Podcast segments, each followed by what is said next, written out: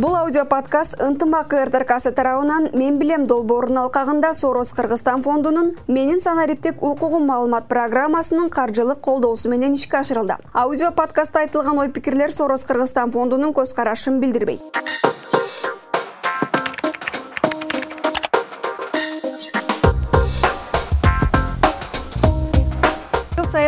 байланыш операторлорунун керектөөчүлөрдүн саны арбып барат муну замандын агымына жараша интернет адам баласына аба менен суудай керек экени менен байланыштырсак болот. Азыркы учурда интернетсиз уюлдук байланыштарсыз жашоону элестетүүнүн өзү мүмкүн эмес. Айтор байланыш кызматтарынын кызматы адамзат үчүн жашоонун маанилүү бир бөлүгүнө айланып калгандай. Бүгүн биз билайн уюлдук операторунун калк үчүн көрсөткөн ыңгайлуу тарифтери кайсылар? Үйдөн чыкпай тиркемелерди кантип туура колдонсо болот? Төлөмдөрдү жүргүзүүдө жаралаган мүчүлүштүктөрдү электрондук түрдө кантип чече алабыз? Байланыш начар же болбосо такыр жок аймактардын калкы кандай кадамдарга барышы керек? Аларга кандай шарттар менен вышка орнотулуп берилет? Ушул жана башка суроолорго мен билем программасы жооп берет саламатсыздарбы?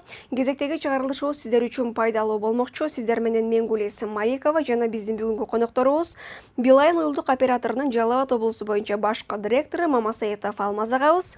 Ошол эле мекеменин сатуу бөлүмүнүн башчысы токмонкулов нурбек агаларыбыз. Ушул мой билайн тиркемесинде э, колдонуунун жол жоболорун түшүндүрүп өтсөңүз мой билайн тиркемесинде азыр өзүңүздүн телефонуңузду алып бизге көрсөтүп берсеңиз болот. Мисалы бул порталдын мо бөлүгүнө кирсеңер ушундай кызматтар бар деген сыяктуу. Бул атайын жүктөө шилтеме аркылуу ар кайсындай веб сайттардан же болбосо башка каналдар аркылуу баягы плей маркеттерден сиз э, оңой эле таап жүктөп алсаңыз болот анын э, колдонуусу өтө оңой өтө жеңил эч кандай э, кошумча э, аракеттерди талап кылбайт. Мисалы мой билайнга жүктөп алып кирип сиз ошол жердеги башкы бетинен эле сиз бүт суроолорго жооп ала аласыз. Мисалы канча смс чалууларым калды канча э, мегабайттарым калды ошол жерден көрүп аласыз анан кайсы э, каражаттарым кайсы жака жумшалып атат? Бүт эле бир эле биринчи беттен кошумча кызматтарды кандайлар кандай кызматтар кошулган? Ошол боюнча бүт маалыматты ошо биринчи эле башкы бетинен эле сиз э, жооп ала аласыз да анан э, андан тышкары дагы өзү атайын белек алуу үчүн дагы өзүнчө баскычтары дагы башкы бетинде турат. Сыйлыктарды кантип сыйлыктарды бонустарды өзүнчө эксклюзивдүү сунуштарды кантип алуу боюнча баардыгы ушу башкы бетинде жайгашкан түшүнүктүү э, анан дагы э, мисалга дейли мен тээ алыскы бир райондо жашайм. Тоолуу аймактуу райондо.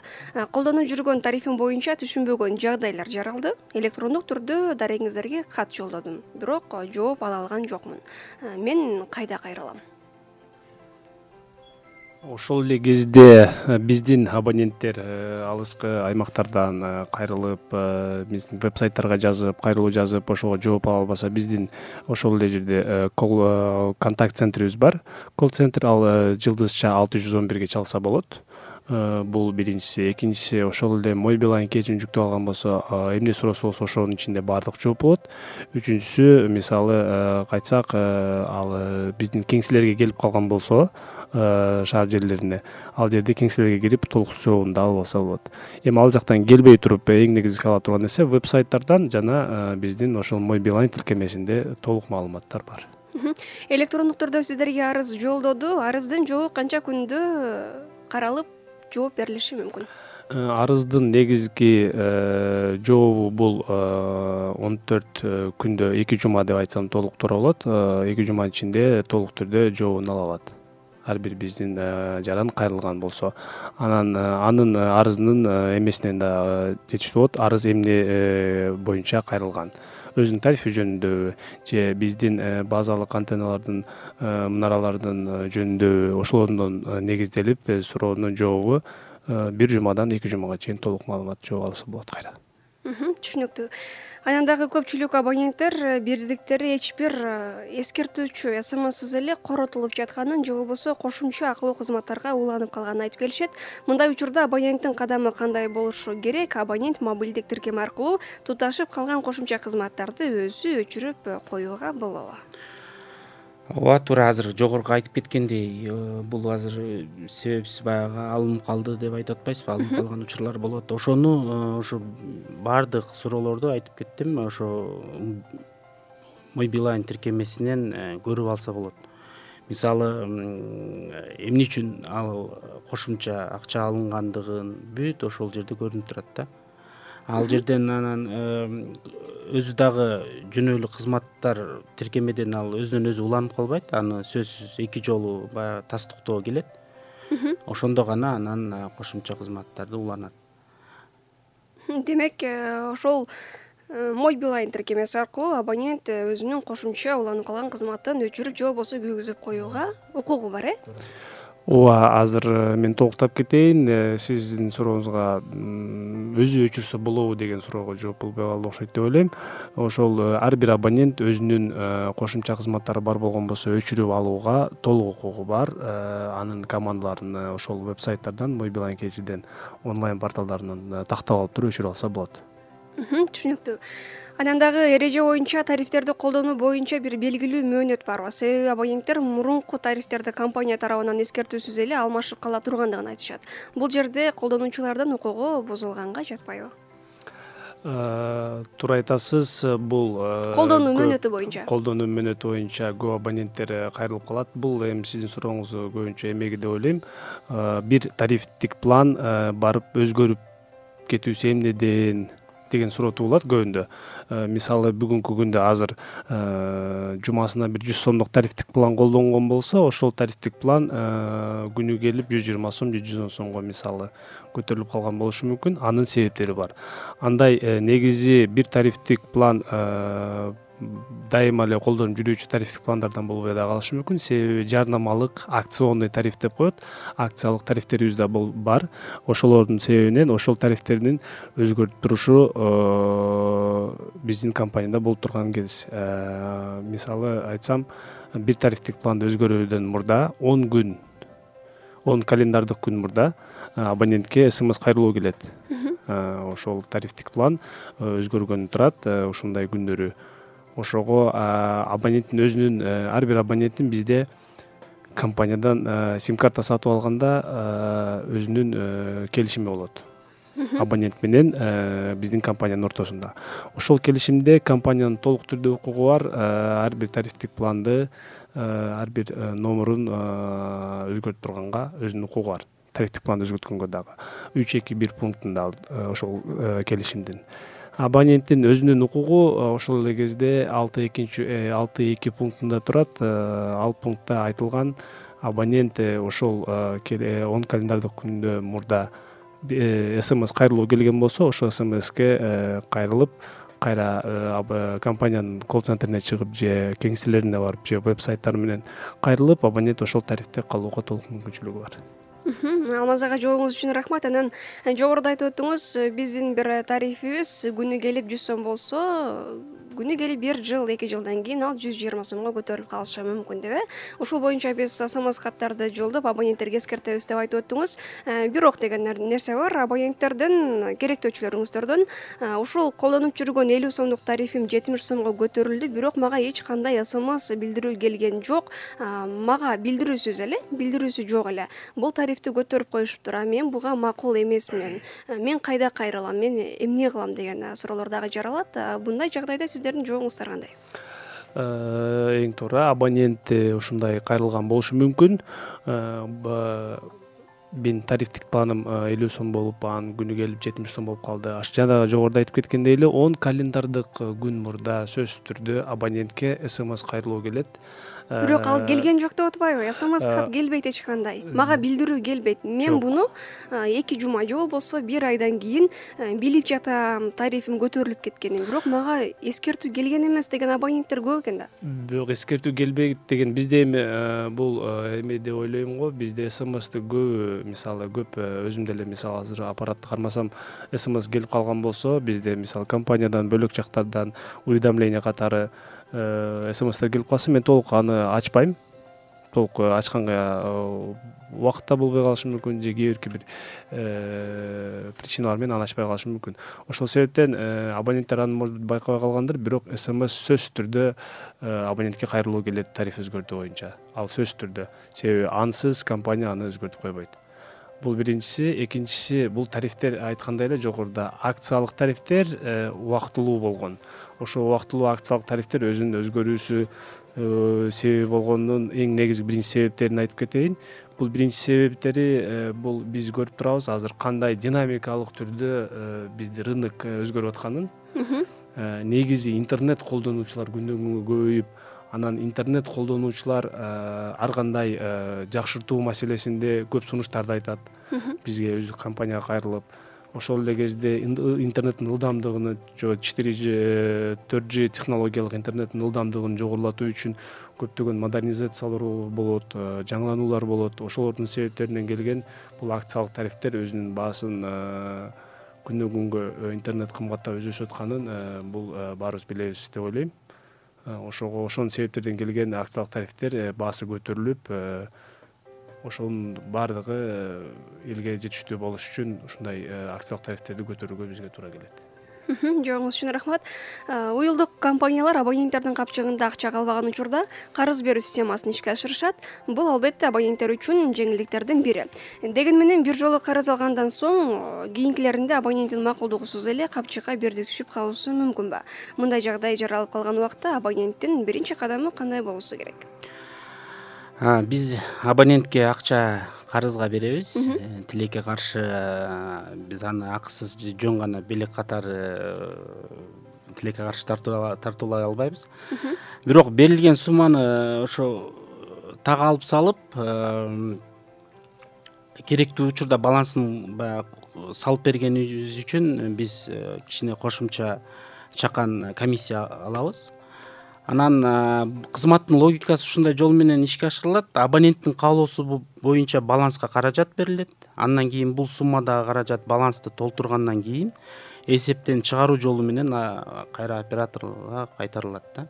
Анан сиз айткандай э, өзүнөн өзү азыркы учурда өзүнөн өзү кошулуп калуусу э, мүмкүн эмес. Ал абоненттин каалоосу боюнча атайын юзди команда аркылуу э, өзү карызга акча алат. Анан э, жөндөн жөн ал акчаны бербейт да.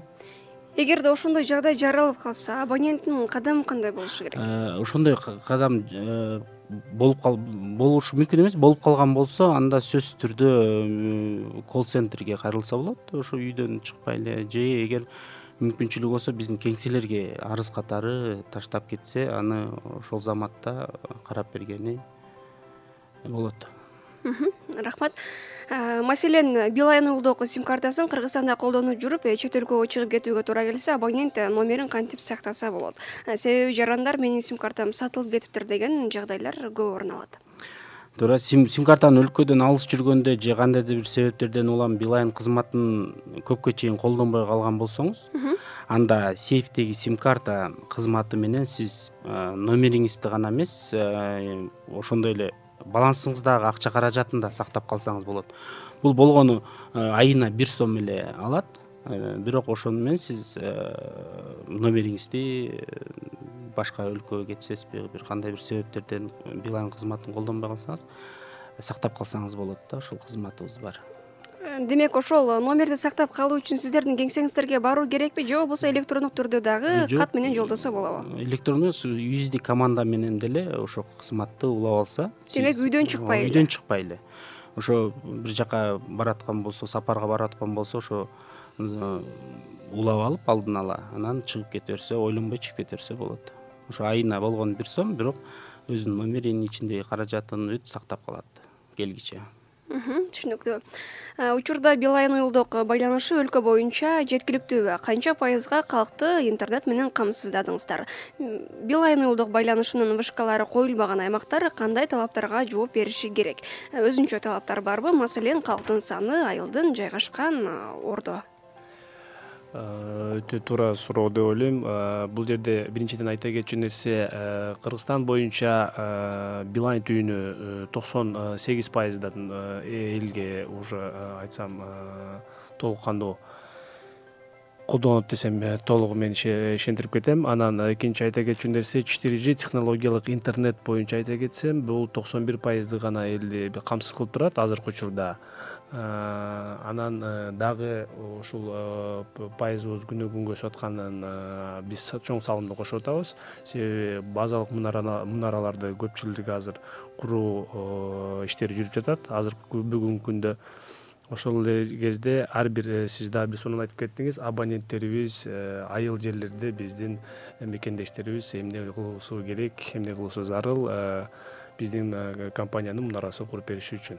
Эң негизгиси биринчи билдирүү бизге билдирүү кайрылуу кылыш керек. Кайрылууда айта кетчү нерсеси бул жерде. Кайсыл жерден жазганын айылдын аймагын ошол адрестерин толук анан биздин онлайн биздин веб сайттарыбызга кайрылса да болот. Ошол эме кайрылуусу менен анан биздин кеңсебизге дагы кайрылып алып келип жазып кетсе болот кеңседен сөзсүз түрдө биздин э, тех отдел э, деп коебуз. Э, орусча айтканда тех отделге беребиз алар карап чыгып ошонун жообун сөзсүз түрдө абоненттерге биз кайтара алабыз анан бул жерде эң негизги айта кетчү нерсе эмне кандай критерийлер болуш керек ал жерге базалык антеннаны коюу үчүн? Биринчи критерий бул ошол айылда ошол биз коюучу жерге жер участогу болуш керек. Ошол участок жанына чейин э, электр энергиясы сөзсүз түрдө барган болуш керек ошол жерге. Анан үчүнчү негиздөөчү нерсеси э, бул жерде э, биздин жакынкы ошол айылдын коңшу айылдарына коюлган биздин базалык мунаралардан түздөн түз көрүнүшү керек. Орусча айтканда прямая видимость деп коебуз. Ошондой түздөн түз бири бирине көрүнүшү керек. Себеби ошондон ал жака ошол айылга жеткирип берүү керек. Ошол эле интернет ошол эле биздин сеть боюнча. Ооба. Анан э, ошол эле дагы бир пункту болот алардын эми калктын саны боюнча. Ал эң негизги ролду ойногон э, калктын саны дагы керек. Калктын саны канчалык көп болсо ошончолук биздин коротулган каражаттарды эсептеп чыгууга биздин өзүбүздүн отдел эсептеп чыгарып ушунча канчада жылда бизде кайра акталышынан бери толук күндө толук түрдө сөзсүз түрдө ал эсептелип чыгып анан кийин ошондон бери жоопко туура келет жооңуз үчүн рахмат алмаз ага э, сиздин жообуңузда улай дагы бир суроо пайда болду. Э, маселен сиздер вышканы орнотуу алдында турган айылдын калкынын саны э, жыйырма миң болгон болсо а сиздердин орноткон вышкаңыздардын кубаттуулугу начар болгон болсо абоненттер кандай жол менен ошону чече алышат? Же болбосо сиздердин кадамыңыздар кандай болот? Ошол вышканын кубаттуулугун жыйырма миң адамдан дагы ашыкча тейлей турган кылып. Себеби интернеттин жайлыгы начарлыгы дагы анча иштебеген дагы ошол кубаттуулуктун начарлыгынан келип чыгат да. Кээ бир учурларда вышкалары жыйырма миң абоненттик болгон болсо ал жакта төмөн болуп калышы мүмкүн да. Андай жагдайлар жаралат да. А сиздердин кадамыңыздар же болбосо түшүндүрмөңүздөр кандай бул жагдайда сөзсүз түрдө э, туура суроо бул жерде абоненттин көптүгүнө байланыштуу биздин э, базалык мунаралардын мисалы интернеттин ылдамдыгы начар болгондуктан билсек болот. Ошондуктан бул жерде биздин көзөмөлдөө орган бар. Ар бир мөөнөттү калтырбай э, көзөмөлдөө мониторинг деп коебуз. Э, ар бир көзөмөлдөө органдагылар э, кайсыл жерде канчалык даражада биздин мунаралар толук кандуу иштеп жатат канчалык интернет ылдамдыгында элге жеткирип берип жатат. Ошонун баарынан бери биз текшерип турабыз ошол эле айта кетчү нерсе ошол жыйырма миң деп айттыңыз сиз ошондой элдин саны көп болуп ошол жерде базалык мунаралардын толук кандуу ошол жерге элге э, интернет э, жеткирип бере албай аткан болсо ал учурда ошол жерге жаңы базалар курулат. Э, кошумча дагы жеңилдетүү үчүн анан ар бир базанын өзүнө дагы кошумча жабдыктар кошулат да кошулуп ошолор дагы жеңилдетүүгө чоң салымын кошот сөзсүз түрдө жаңы куруу менен жаңы э, жаңылануу менен жаңы жабдыктарды кошуу менен ошол э, турган базаларга жеңилдетүүлөр толук кандуу азыр жүрүп жатат азыркы күндө. И э, мындан кийинки дагы келечекте ошонун баарын эле көзөмөлдөө орган бизге жеткирип турат. Демек кайсы бир айыл аймакта коюлган мунаранын кубаттуулугу төмөн болгон болсо сиздер тараптан аны алмаштырып берүүгө мүмкүнчүлүк бар э? Ооба ооба сөзсүз түрдө. Ал толук кандуу аны алмаштырып э, алмаштырып деп айтпайт. Бул жерде эми көбүнчө айтсам бул жерге кошумча ошол э, кубаттуулук кошулат. Кубаттуулук күч ошол тартылат э? күч тартылат э. Түшүнүктүү анан кайра эле тарифке э, өтөлү тарифте жаңы тарифтерди киргизип жатканда калктын ою менен канча пайызга эсептешесиздер. Маселен сиздер киргизип жаткан тариф жүз адамдын экөөсүнө гана ыңгайлуу болгон болсо э, ал эми токсон сегиз абонентке ыңгайсыз болушу мүмкүн. Сиздер жаңы тарифти сунуштап жатканда телеканал радио же болбосо өзүңүздөрдүн сайтыңыздар аркылуу элге ушундай тарифти киргизип жатабыз силерге ыңгайлуу кандай карайсыңар деген сунушту бересиздер же болбосо өзүңүздөр ичара эле бул тариф колдонууга бел байлайсыздарбы? Э, туура айтасыз бул жерде тарифтер жөнүндө мисал айта кетсем эң биринчи негизги э, критерий тариф планды жаңылануу боюнча айтсам бул жерде элдин сөзсүз түрдө э, комментарийлери эске алынат элдин сунуштары эске алынат. Себеби бизде мисалы азыркы күндө бир тарифтик план болгон болсо биз өзгөртүү киргизсек сөзсүз түрдө элге сурамжылоо жүргүзөбүз. Сурамжылоо жүргүзүп анан э, бул жактан сурамжылоодон бул биринчи пункт болгон болсо дагы бир пункттары бар. Ал жерде э, рынок деп коебуз. Эми ушул рынокто дагы карап баасы э, биз канчалык мисалы ошончолук кымбат болгон болсо ар бир нерсенин баанын негизинде кошумча биз дагы кызматтарды кошуп ошол кошумча бекер кызматтар дагы кошулат. Ошол тарифтик пландарга демек сиздер э, жаңы тарифти сунуштап жатканда сөзсүз түрдө сурамжылоо жүргүзүп сурамжылоонун негизинде анан ал тарифти ишке ашырасыздар э? Ооба сурамжылоо жүргүзөбүз. Сурамжылоо жүргүзгөндөн дагы кошумча бул жакта биз ага чейинки э, бизде э, контакт центрге кайрылып абоненттерибиздин калган сунуштарынан дагы эске алынат. Сөзсүз түрдө арыздардын жыйынтыгы менен дагы каралса болот. Ооба. түшүнүктүү анан дагы биз э, сиздерге чейин чакырганга чейин сурамжылоо жүргүзгөнбүз. Э, сурамжылоонун э, көпчүлүк бөлүгү райондордо кичи райондордо. Маселен ошто айтып өтөлү кичи хбк кичи районунун салиева отуз сегиз отуз тогуз кырк кырк бир кырк эки кырк үч кырк төрт кыркка кырк беш а кырк төрт кырк алты б көп кабаттуу үйлөрүндө интернеттин ылдамдыгы өтө эле начар деп кайрылышкан абоненттер видео көрүү ары турсун смс жасак араң жетип жатат эмне үчүн деген суроолорун узатышкан. Бул жагдайга байланыштуу кандай түшүндүрмө бересиздер? Мындай маселе бир гана хбк кичи районунда эмес башка дагы райондордо орун алышы мүмкүн да ооба туура айтасыз ал райондордо мисалы ушундай э, элдерибиз ушундай кыйынчылыктар менен э, туш келип калганынан байланыштуу бул жакта мониторинг айткандай эле жогору айтып кеткендей биздин мониторинг ошол себептердин баарын чыгарып бизге айткан. Э, азыркы түрдө азыркы учурда э, техникалык э, жагынан биздин тех отдел ошол жабдууларды кошумча кошуп ошол жакта мунараларды орнотууга иштерин жүргүзүп жатат.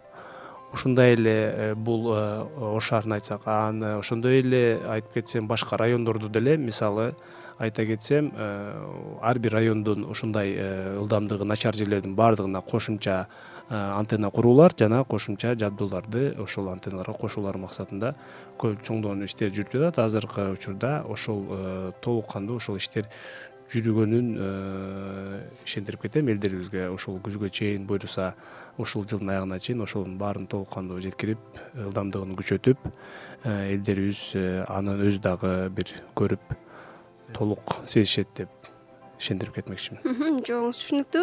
Э, жогорудагы орун алган жагдайлар абоненттердин укугун бузуп э, жатканга жатпайбыз себеби акчасын төлөйбүз жетиштүү интернет ала албайбыз дешет. Э, алар укугун кантип коргошот? Бул жаатында себеби керектөөчүлөрдүн укугу бузулушу толук түрдө мүмкүнбү. Биз акчабызды төлөп интернетке коротуп атабыз бирок бизге жеткиликтүү түрдө интернет берилбейт дейт.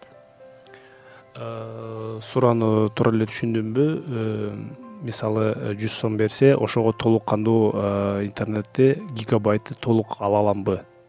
Жок э, ылдамдыгы жөнүндө кетип атабы суроону суроону кайталап өтөйүн. Жогорудагы орун алган жагдайлар жанагындай бизде интернет жакшы иштебейт смс каттарды кабыл ала албайбыз видеону көрө албайбыз деп арызданышып атпайбы мына ушул жагдайда абоненттер акчасын коротот жүз сом жүз элүү сом тарифке байланыштуу ал.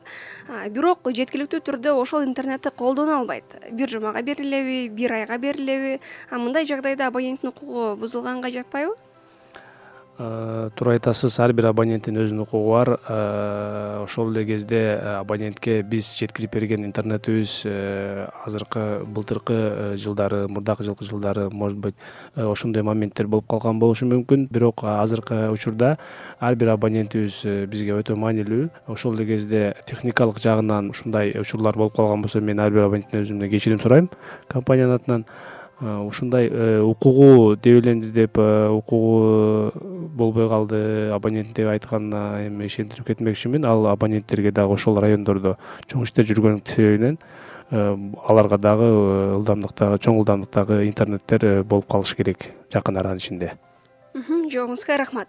Урматтуу угармандар сиздер бүгүн уюлдук байланыш кызматтары анын ичинде билайн уюлдук оператору боюнча жаңы маалыматтарга ээ болдуңуздар. Сиздерди пайдалуу маалыматтар менен камсыз кылган конокторубуз билайн уюлдук операторунун жалал абад облусу боюнча башкы директору мамасыетов алмаз агабыз. Ошондой эле ошол эле мекеменин сатуу бөлүмүнүн жетекчиси токмонкулов нурбек агаларыбыз болду. Сиздерге келип бергениңиздерге ыраазычылык билдиребиз ишиңиздерге ийгиликтерди каалайбыз. Э, чоң рахмат. Э, дагы бир айта кетчү нерсе бар. Эң негизгиси мен э, кайрылуум бар эле ошону айта кетейин. Кыргызстан негизи биздин кыргызстан элибизге биринчиден бекем ден соолук каалап кетейин. Себеби былтыркы пандемиялык абалдан бери биз ар бир жаран өзүбүз ден соолук эмне экенине көп баалап калдык деп ойлойм. Ошол эле учурда компания дагы жөн кара турбай биздин ар бир өлкөдөгү ооруканаларыбызга э, концентраторлор э, кислороддук концентраторлорду кышкылык концентраторлор бергенбиз.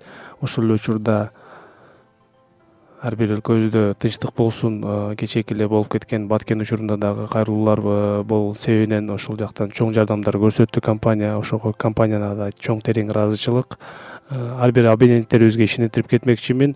Э, кандай сунуштарыңыздар болсо кандай э, бир кайрылууңуздар болсо сөзсүз түрдө биздин веб сайттарга кайрылыңыздар. Сиздердин сунуштарыңыздар бизге өтө маанилүү. И сиздердин сунуштарыңыздардын негизинде биз бир чоң чоң жетишкендиктерге жетишебиз деп ойлойм. Ар бириңиздер бизге өтө маанилүүсүздөр. Биз менен болгонуңуздар үчүн чоң рахмат. Ошол эле кезде ынтымак радиосуна дагы терең ыраазычылык билдирип кетем. Бизге ушундай мүмкүнчүлүк бергенине сиздерге дагы чоң рахмат иштериңиздерге ийгилик